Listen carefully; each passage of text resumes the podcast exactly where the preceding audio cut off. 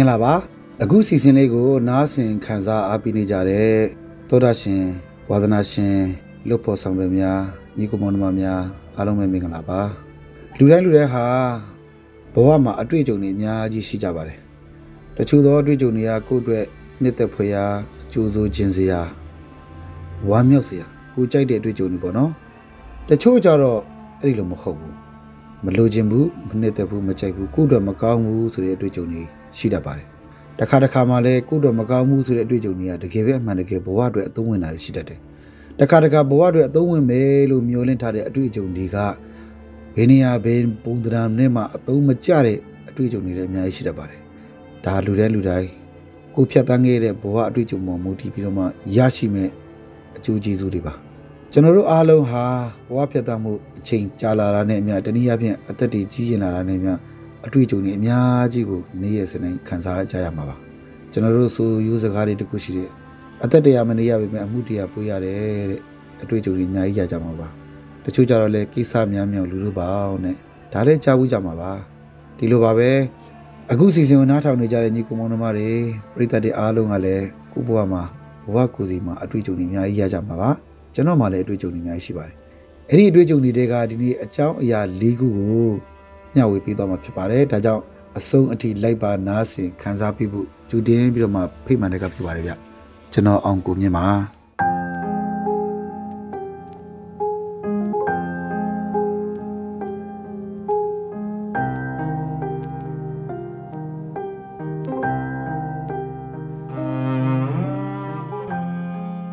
မင်္ဂလာပါခင်ဗျာ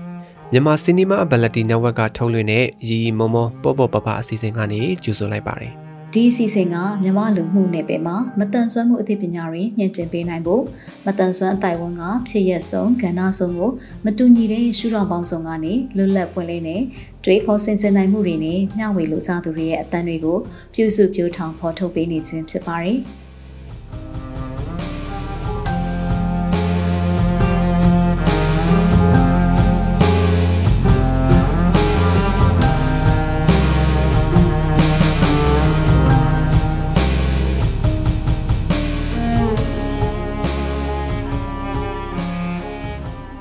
ပထမဦးဆုံးပြောပြခြင်းတဲ့အကြောင်းအရာလေးကတော့1990နှစ်အလေပိုင်းလောက်မှာကျွန်တော်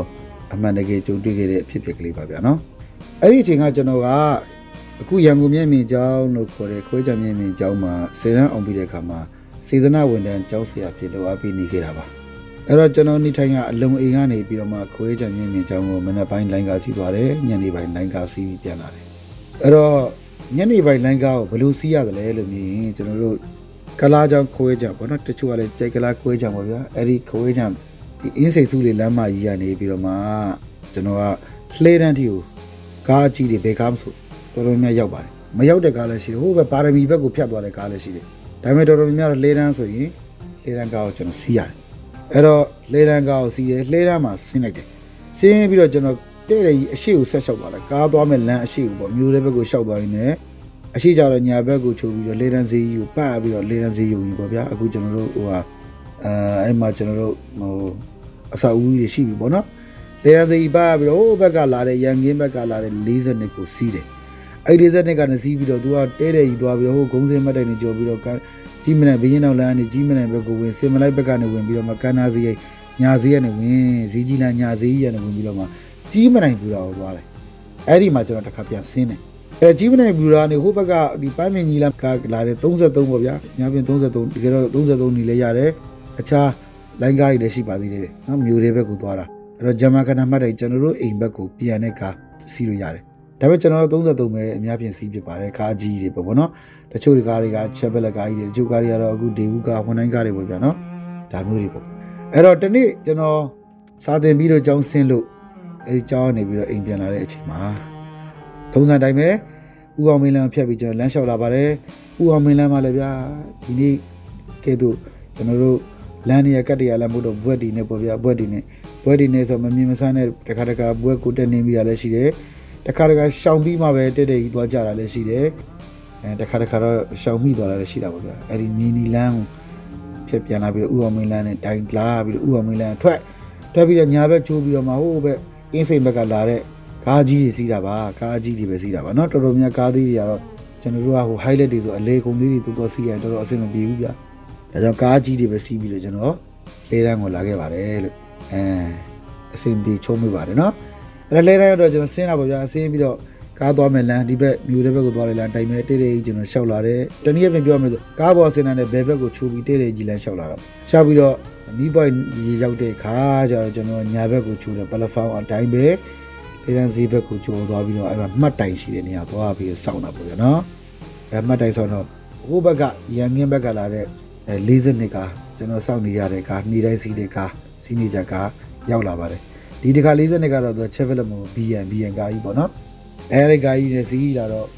ကားပေါ်တက်တာပေါ့လေအဲကားစပယ်ယာကနည်းနည်းလေးထူးဆန်းတယ်သူကြည့်ရတာစကားပြောတာအတန်တစ်မျိုးပဲကျွန်တော်နားမလည်ဘူး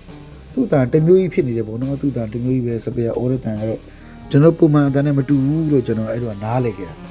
ဒါပေမဲ့အခုနောက်ပိုင်းတော့ဒီလိုလူမျိုးတွေကဘာဖြစ်တာလဲဆိုတော့သိသွားတယ်အရင်တော့ကတော့မသိဘူးဗျအဲ့ဒါဘာလဲဆိုတော့အရင်တော့ကတော့မသိတာအခုကျတော့သိတယ်ဆိုတော့ဘာလဲဆိုတော့သူက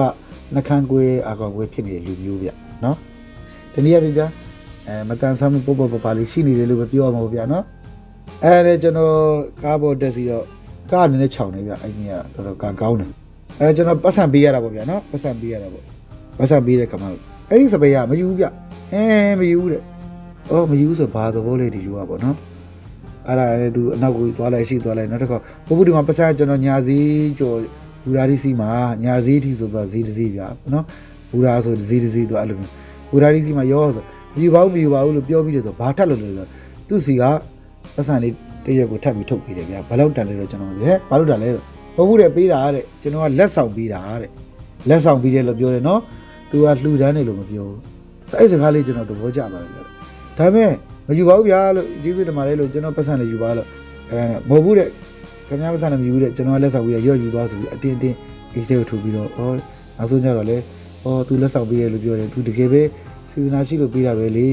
သူတကယ်ပဲလက်ဆောင်ပေးခြင်းနဲ့စိတ်နဲ့ပေးတာပဲလေဆိုတော့အတိုင်းပဲကျွန်တော်လည်းဩသူလက်ဆောင်ပေးတော့လေလက်ခံလိုက်ပြီးတော့ယူလိုက်တယ်စိတ်ထဲမှာဘာစဉ်းစားမိလဲဆိုဩအဲ့ဒီလိုစပယ်ယာမျိုးလေရှိသေးတာပဲ ဒီလိုသဘောကောင်းတဲ့စပယ်ယာမျိုးလေဒီလိုတယောက်တယောက်နားလေစာနာပြီးတော့မှ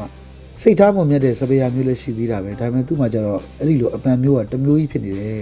ဘာဖြစ်တာလဲတော့မသိဘူးဆိုပြီးတော့ကိုကမျက်စိမြင်နေသူသူကတော့မျက်စိမြင်နေသူကစပယ်ယာလုပ်ပြီးနေ့စဉ်ဝင်ဝင်ဖြောက်နေတာပေါ့ဒါပေမဲ့သူ့ကိုစာနာမိသွားတယ်ပေါ့နော်သူ့ကိုကျေးဇူးတင်ပြီးသွားတယ်သူ့ရဲ့အပြုအမူလေးကိုအချင်းနဲ့နှစ်သက်သွားတယ်အော်ဒီလိုစပယ်ယာမျိုးလည်းရှိတာပဲဒီလိုစပယ်ယာမျိုးနဲ့တွေ့ရတာဝမ်းသာစရာကောင်းတာပဲဆိုပြီးတော့ အဲ့ဒီညတော့တော်တော်လေးပျော်ပါတယ်လို့နော်ငွေတန်ဖို့ကဘာလောက်ပေးလိုက်လဲဆိုတာမသိပါဘူးနော်ဘယ်လောက်ပေးလိုက်မှန်းလည်းမသိပါဘူးဘယ်လောက်ရလိုက်မှန်းလည်းမသိပါဘူးသူပြီးတဲ့ကြွေလေးပဲနောက်ဆုံးအိမ်ရောက်ပြီးတော့မှတခါတည်းနဲ့အဲဦးလေးတယောက်ကိုအဲ့ဒါမုတ်ွေကျွေးလိုက်တယ်ပေါ့နော်အဲ့ဒါနဲ့ပဲရော့မုတ်စားဆိုပေးလိုက်ပါတယ်ပြန်ပြီးတော့လက်ဆောင်ရတာကိုလက်ဆောင်ပြန်ပေးလိုက်တယ်ပေါ့ဗျာနော်ဘယ်လောက်တန်လဲတော့မကြည့်မိလိုက်ပါဘူးဒါပေမဲ့ပြောပြချင်တာကတော့လိုက်ကားစီးရတာထူးခြားတဲ့စပယ်ယာလေးတူနဲ့တွေ့ခဲ့ရတဲ့အဖြစ်အပျက်လေးကတော့ကျွန်တော်တော်တော်ဒီနေ့ထိမေးလို့မရသေးတဲ့ လေးစားဝယ်ရကောင်းတဲ့စပယ်ယာတွေကစပယ်ယာတရားလို့ပြောရမှာဖြစ်ပါတယ်ဗျ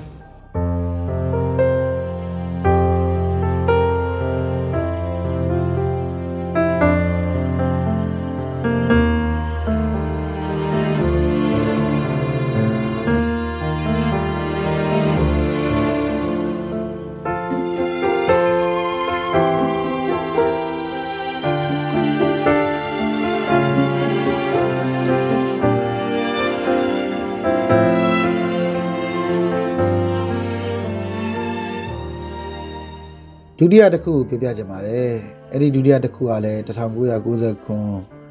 နှစ်အဆုံးပိုင်းလောက်မှာဂျုံတွေ့ခဲ့တဲ့အဖြစ်အပျက်လေးပါအဲ့ဒါလည်းမော်တော်ကားပေါ်မှာပဲဂျုံတွေ့ခဲ့တဲ့အဖြစ်အပျက်ကလေးဖြစ်ပါတယ်ဒီနေ့အပြင်ပြောရမယ်ဆိုစပယ်ယာနဲ့ဂျုံတွေ့တဲ့တိုက်ရိုက်ဂျုံတွေ့တဲ့အဖြစ်အပျက်လေးပေါ့နော်အဲ့တော့အဲ့ဒီစပယ်ယာကတော့ပထမကျွန်တော်ပြောခဲ့တဲ့အဖြစ်အပျက်တွေကစပယ်ယာနဲ့ဆန့်ကျင်ဘက်လို့ပြောရမှာဖြစ်ပါတယ်ဒီနေ့ကျွန်တော်လိုအပ်ပြီးပြီးတော့အကြောင်းအပြန်လာဒီတစ်ခေါက်တော့ကျွန်တော်လမ်းကြောင်းပြောင်းသွားတယ် လမ်းကြောင်းပြောင်းပြီးပြန်တာပေါ့နော်ကားကိုနှစ်ဆင့်နဲ့စီးကျင်တဲ့အတွက်ကြောင့်လမ်းကြောင်းပြောင်းလိုက်ပါတယ်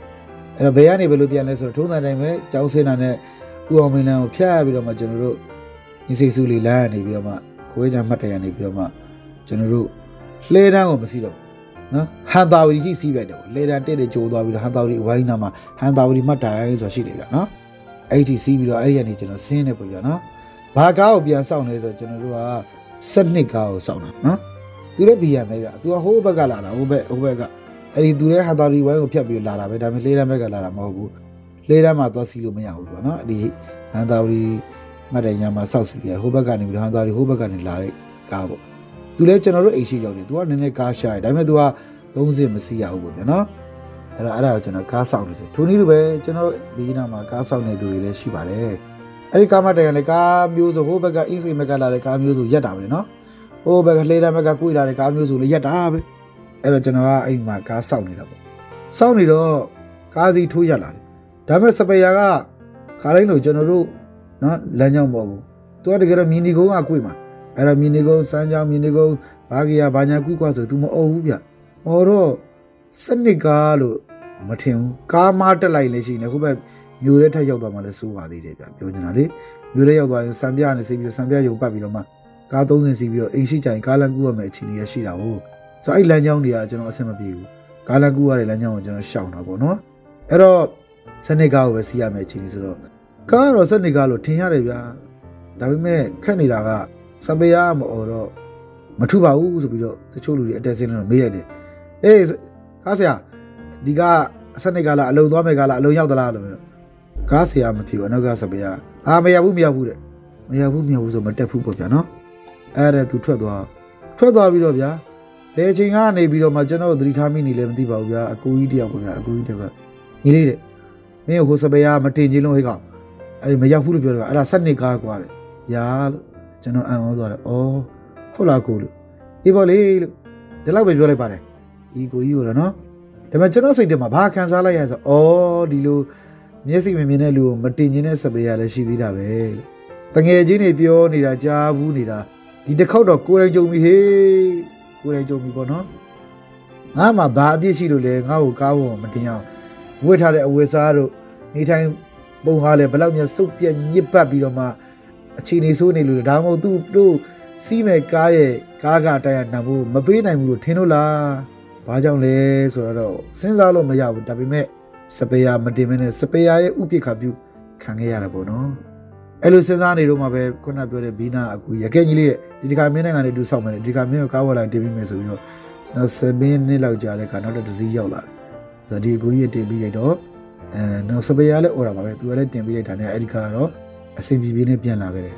အော်ဒီစပယ်ယာမျိုးကိုလည်းကျွန်တော်ဘဝမှာဒီနေ့ထိလေးစားစရာမကောင်းတဲ့စပယ်ယာတယောက်အနေနဲ့တော့ဒီနေ့ဒီအမှတ်ရနေစေပါပဲဗျ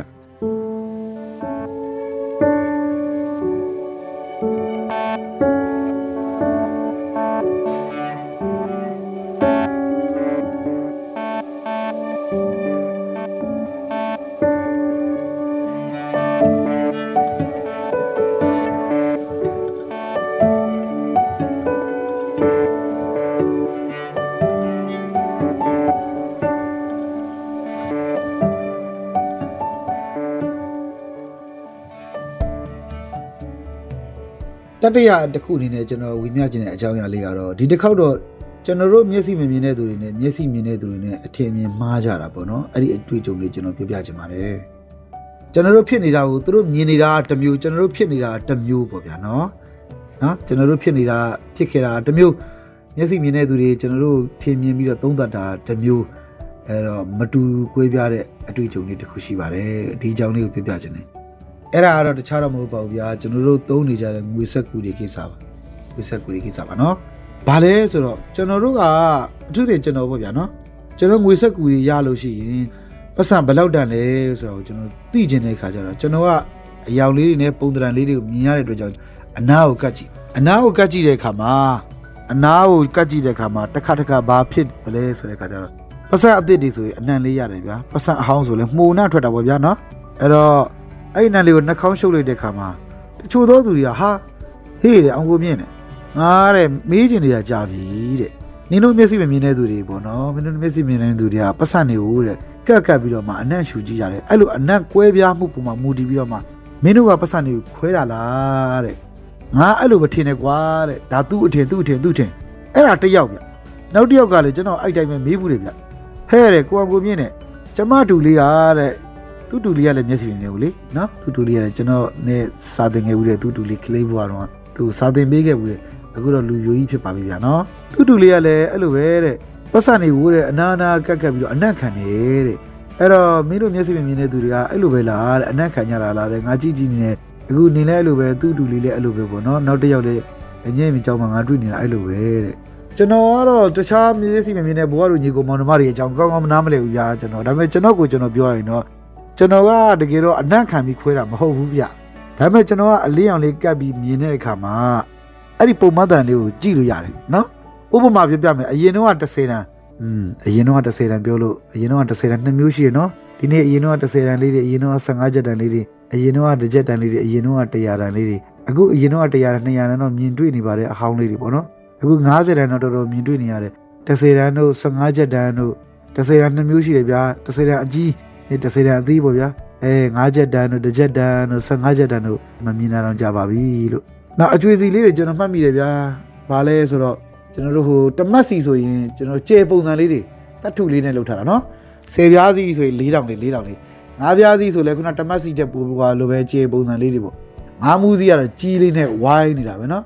အဲတမတ်စီမှာလည်းကြီးနေလို့တဲ့တမတ်စီလည်းရှိတယ်ဗျဒန်နဲ့လို့တဲ့အဲတတ်ထုနဲ့လို့တဲ့ကျေဟွာလည်းရှိတယ် နော်ကြီးရောက်နေအဲ့အဲ့အဲ့ငွေမြေအောင်ပေါ့တယ်ဟိုတတ်ထုနဲ့လို့တာလည်းရှိတယ်နောက်ချက်စီချက်စီကတော့ပို့ပြီးတော့လေးပြီးပို့ပြီးကြီးပြီးတော့မှအဲ့လိုပဲသူကဟိုဟာနဲ့လို့တာအဲဒါလေးတွေကငငယ်တုန်းကတွေ့ခဲ့ရတာအခုတော့မှတ်မိပါတယ်လို့ဒါပေမဲ့မတွေ့တာကြပြီဒါပေမဲ့ကွယ်လွန်သွားတဲ့ကျွန်တော်ရဲ့အဖွားပေါ့နော်ကျွန်တော်ရဲ့အမေရဲ့အမေအရင်ပေါ့ဖွားရင်ပေါ့ဗျာအဖွားရင်အရင်ဆိုလို့အဖွားဝင်ခွေးတော့ရှိတာမဟုတ်ပါဘူးဒါပေမဲ့ကျွန်တော်တို့မှာအမေရဲ့အတော်ဆိုအဖွားလေးတို့အဲအဲ့လိုမျိုးခေါ်လို့ဒါကြောင့်ဒီလိုပြောပြတာပါ အဲ့တော့အဖွားဆိုအဲ့အချွေစီတွေရောအများကြီးသူစုထားတာသူစုထားတာပေါ့နော်အဖွားဆုံးတော့အဲအဖွားရဲ့အမွေဆိုပြီးအဲ့ဒါလေးယူပြီးတော့မှအမေတို့သွားပြီးတော့မှအာဖះမှာလှူလိုက်ကြသေးတယ်ဗျာအဲ့ဒါနောက်ဆုံးမြင်လိုက်ရတဲ့ကိစ္စပါအဲ့တော့ပြောချင်တာအဲ့လို30တန်းတို့15ချက်တန်းတို့5ချက်တန်းတို့ကျွန်တော်ကြည့်ခွေးတာပေါ့အဲ့တော့အနာကတ်ကြည့်တဲ့ခါမှာအနာကပြုံးဆိုပြီးနှာခေါင်းကအနံ့ထွက်လာတော့အရှူမိသလိုဖြစ်သွားတော့အဲ့တော့ဘာဖြစ်လဲဆိုတော့အနံ့ရှူတယ်လို့ထင်တာတကယ်တော့ကျွန်တော်တို့အနံ့ရှူတာမဟုတ်ဘူးကျွန်တော်ကအလင်းအောင်ကြည့်တာဒါပေမဲ့ကျွန်တော်က အလေးအောင်မှာပေါ်တဲ့ပုံရိပ်ကိုမမြင်လို့ကတ်ကြည့်တာကိုသူတို့ကတော့အနံ့ရှူတယ်လို့ထင်တယ်ဘာကြောင့်လဲကျွန်တော်နှာခေါင်းလှုပ်ရှားပုံမှာကြည့်ပြီးတော့ဖြစ်သွားတာကျွန်တော်နှာခေါင်းကလည်း automatic အနံ့ကြောင့်နှာခေါင်းရှုပ်သွားတာလည်းဖြစ်တယ်ရှူမိလိုက်တယ်လို့ဖြစ်တယ်ဒါပေမဲ့ရှူတာတော့မဟုတ်ဘူးပြောချင်တာကဒီနေရာမှာဘာကိုစဉ်းစားမိတာလဲဆိုတော့ကျွန်တော်တို့မျက်စိမြင်တဲ့သူတွေအမှန်တကယ်ခံစားနေတဲ့ဘဝအခြေအနေကြောင့်ရရှိတဲ့အတွေ့အကြုံလောက်ရတဲ့အနေထိုင်ပုံစံတစ်မျိုးသူတို့မြင်နေတဲ့အမြင်ပေါ်မှာသူတို့ဆုံးဖြတ်တာတစ်မျိုးဒါမျိုးတွေဖြစ်ခဲ့ပါတယ်ကြုံခဲ့ပါတယ်ဆိုတာကို အခုစီစဉ်လေးကိုနားထောင်နေတဲ့မျက်စိမြင်တဲ့သူဟောမျက်စိမြင်တဲ့သူဟောအခြားမတန်ဆမှုရှိတဲ့သူဟောမရှိတဲ့လူဟောသိစေချင်ပါတယ်တခါတခါအမြင်နဲ့ကိုမြင်တာနဲ့ပဲကိုဆုံးဖြတ်လို့မရဘူးကိုမြင်တာနဲ့ပဲကိုပြောလို့မရဘူးအခြေအနေမျိုးမျိုးရှိတယ်တပားသူမှာလွယ်နေတဲ့ကိစ္စကကိုယ့်စီမှာလာခက်ချင်ခက်တယ်ကိုယ့်စီမှာလွယ်လွယ်လေးကိစ္စကသူများအတွက်ခက်ချင်ခက်နိုင်တယ်နော်ဒါလေးတွေကျွန်တော်တို့သိဖို့အတွက်ညှဝေပေးလိုက်ခြင်းဖြစ်ပါတယ်ဗျ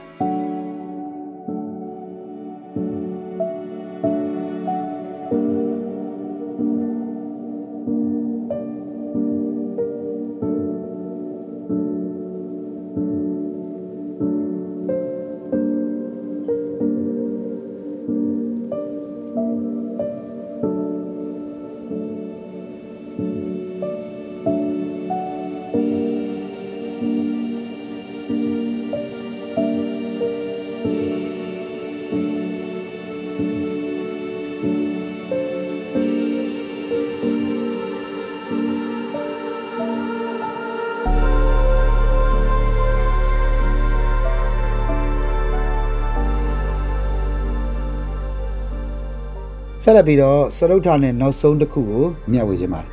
ဒီဟာအဖြစ်အပျက်လေးကတော့ကျွန်တော်ကိုယ်တိုင်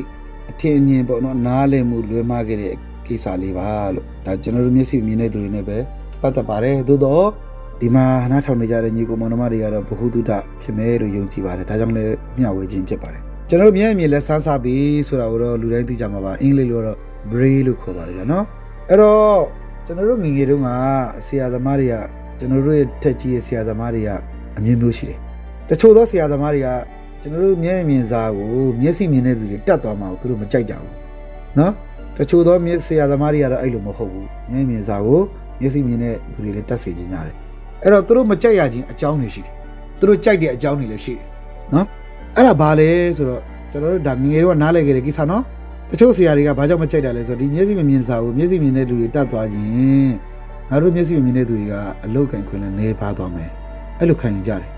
။ဘာကြောင့်လဲဆိုတော့ငကိုကလေးကကျွန်တော်မျက်စိမြင်တဲ့သူတွေကအလုတ်ကန်ခွင့်နာမှာအရင်နေခဲ့တယ်လေမြဲမြင်ဖြစ်ရင်မြဲမြင်ကြောင်းမှာကြောင်းဆရာဖြစ်ချင်းဖြစ်နော်မဖြစ်ဘူးဆိုလို့ရှိရင်ဘာလုပ်မလဲချိန်ဝါးတွေစီလုံးမလားအခုခေတ်ဆိုတော့ဒါအနှိတ်လုပ်ငန်းအတွင်းကျေလုံးနေတယ်အဲ့ဒီခေတ်အဲ့ဒီခါတုန်းကကျွန်တော်တို့ငယ်စဉ်ကာလတုန်းကအနှိတ်လုပ်ငန်းဆိုတော့ဒီနေ့လိုအောင်မြင်နေတဲ့အလုပ်မဟုတ်ဘူးနော် customer တွေနဲ့ကျေနပ်ပြီးတော့အားရနေတဲ့အခြေအနေမျိုးမဟုတ်ဘူးမြဲမြင်တော်တော်များများကချိန်ဝါးတွေစီလုံးကြတယ် မြဲမြင်ကြောင်းမှာပဲဆရာလုပ်ကြတယ်အဲဒီဒါမျိုးတွေပဲများပါတယ်နော်တချို့တော့နည်းနည်းပါးပါးတော့ဘေးရင်ဟောကြတယ်တချို့ကအဲတီးရခတ်တာလုပ်ကြတယ်ပေါ့ဗျာနော်ဒါမျိုးတွေရှိတာအဲ့တော့အလုပ်ကံခွင့်လန်းရှားနေတော့ဆရာတချို့ကမျက်မြင်စာကိုမျက်စိမြင်တဲ့သူတက်သွားရင်မျက်မြင်ကြောင်းမှမျက်မြင်ဆရာအနေနဲ့အလုပ်ကံခွင့်လန်းနေနေသွားမယ်ဆိုပြီးတော့ဆရာတွေအဲ့လိုခံယူခဲ့ကြတယ်အဲ့တော့ဒီဆရာတွေဒီလိုခံယူတာကိုကျွန်တော်မှန်တယ်မှားတယ်မဆိုလို့ပါဘူးကျွန်တော်ကလည်းနားထောင်နေမိပါတယ်နားထောင်နေတယ်ကြားနေတယ်အော်ဒါကြောင့်တချို့ဆရာတွေကမဟုတ်ဘူး ဒါပဲပြောပြောအာတက်တဲ့ခါကျတော့เนาะကောင်းတာပေါ့เนาะဆိုတော့အဲ့ဒီလိုအမြင်မျိုးရှိတယ်အဲဒီဆရာတွေလည်းသူ့အယူနဲ့သူပဲလေကျွန်တော်တို့ဘာမှမပြောဘူးဒါပေမဲ့ကျွန်တော်ကျွန်တော်အဲဘယ်လိုပြောရမလဲနည်းနည်းလေးကြီးလာပြီပေါ့ဗျာနော်အာချစ်ချင်းမြတ်တာတွေဘာတွေဒါတွေစပြီးတော့ရင်ခုန်ဓာတ်စအရွယ်ရောက်လာတဲ့ခါကျတော့မြဲမြင်เจ้าမှာမြဲမြင်ချင်းချင်းရီးစားစာပြီးတဲ့အခြေအနေလေးတွေကိုကျွန်တော်တွေ့နေရပြီနော် အဲ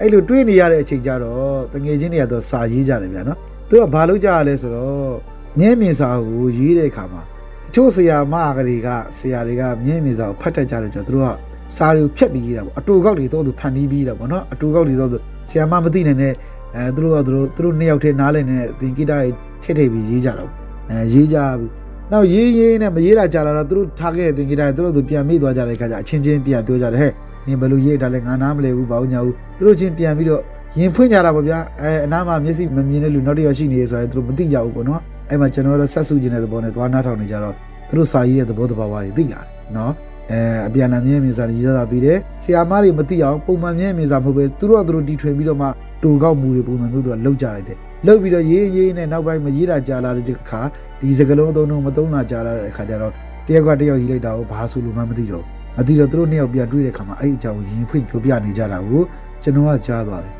အဲ့တော့ကျွန်တော်စိတ်ထဲမှာဘာကောက်ချက်ချလိုက်ခဲ့တယ်လဲဆိုတော့အမ်မြဲမြင်စာကိုမျက်စိမြင်တဲ့သူတွေမတတ်တာကောင်းတယ်။ကြကြကြရင်ငါတို့ရီးစားစာပြီးတဲ့ခါကျရင်ဆရာမဆရာတွေဖတ်မိသွားတယ်။ပူပြီးတော့မှမိုးကြပြီးတော့မှအပြစ်ပေးခံရမယ်ဆိုပြီးအဲ့ဒီလိုတွေနားလေခင်မိပါတယ်လို့ဒါဘဝမှာဒါဒါဒါအနည်းအားဖြင့်ပြောမယ်ဆိုရင်တော့အဲနှလုံးသားရေးရာကိစ္စကိုစတင်ပြီးတော့အဲတီကျွမ်းဂါဇအရွယ်မှာ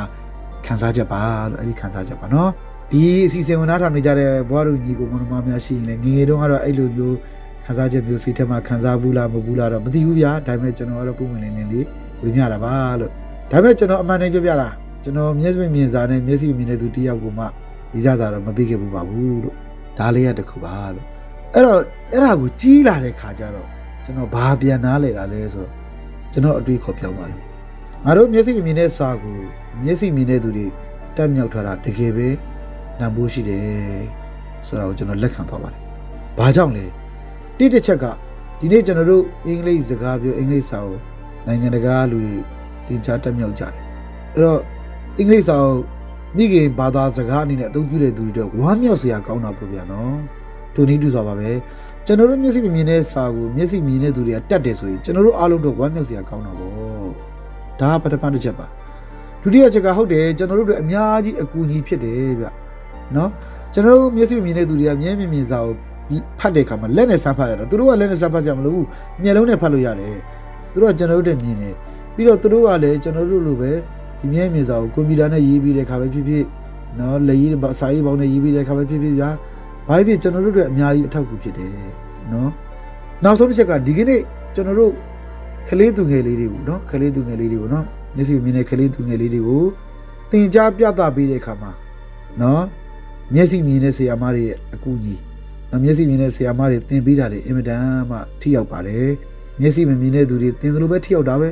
နော်အဲ့တော့ပြောရမယ်ဆိုလို့ရှိရင်မြဲမြင်စာကိုသင်ပေးနေကြတဲ့အကြောင်းမှာမြဲမြင်ကြောင်းမရှိတဲ့မျက်စိမြင်တဲ့ဆရာဆရာမတိုင်းမြဲမြင်စာကိုတတ်ဖို့လိုတယ်ဆိုတာလေကျွန်တော်မြင်လာပါတယ်လို့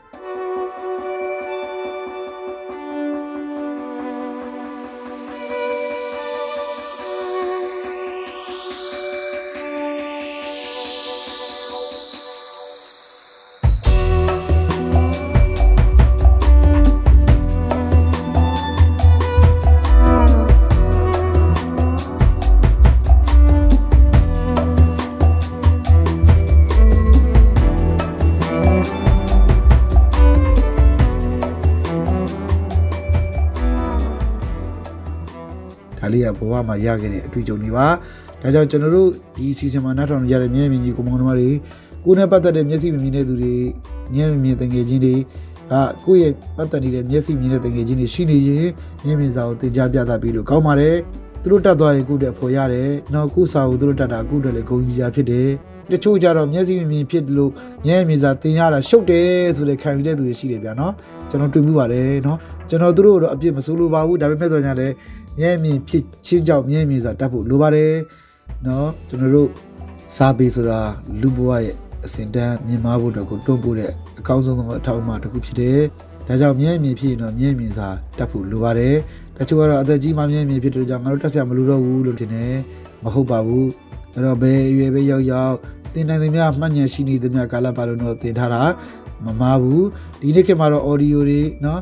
အဲနားထောင်လို့ဘယ်တော့ပဲကောင်းကောင်းတစ်ခါတစ်ခါမြင်မြင်လက်ဆန်းစားပြီးလက်နဲ့ဆန်းဖတ်ရတဲ့အရာသားလေးရလေကျွန်တော်တို့ဘဝမှာမေးဖြောက်ထားလို့ဖေထားလို့ချမ်းသာထားလို့မရစကောင်းတဲ့အရာလေးတစ်ခုဖြစ်တယ်ဆိုတာကိုအခုစီစဉ်လေးကနေပြီးတော့မျှဝေတိုက်တော့အားပေးပါတယ်ဒီစီစဉ်ကိုနားထောင်နေကြတဲ့ညီကိုမောင်တို့အားလုံးကျွန်တော်အခုပြောပြတဲ့အကြောင်းအရာလေးခုကိုနားထောင်ပြီးတဲ့အခါမှာဘဝမှာတစ်ခုခုတော့ကျွန်တော်တို့သင်ခန်းစာဆင်ញင်စရာဖြစ်ပြီးတော့မှအနာဂတ်ကုဘဝသက်တာရှောက်လန်းတဲ့အခါမှာ အကြောင်းအရာတစ်ခုခုဒါမှမဟုတ်အကြောင်းအရာနှစ်ခုသုံးခုလေးခုစလုံးကကိုဘွားတိုးတက်ရေးအတွက်အထောက်အမဖြစ်တယ်ဆိုရင်တော့ကျွန်တော်ပြောရကြလည်းနှက်ပါတယ်ဝမ်းနဲ့ဝမ်းသာပါတယ်။နောက်အစီအစဉ်များမှာလည်းဆက်လက်ပြီးတော့မှဘဝတကွေရသင်ခန်းစာစရုပ်ထားပိုင်းကိုလည်းဆက်လက်ပြီးတင်ဆက်ပေးနိုင်အောင်ကြိုးစားပေးဝါအောင်မှာဖြစ်ပါတယ်။ကျေးဇူးအများကြီးတင်ပါတယ်။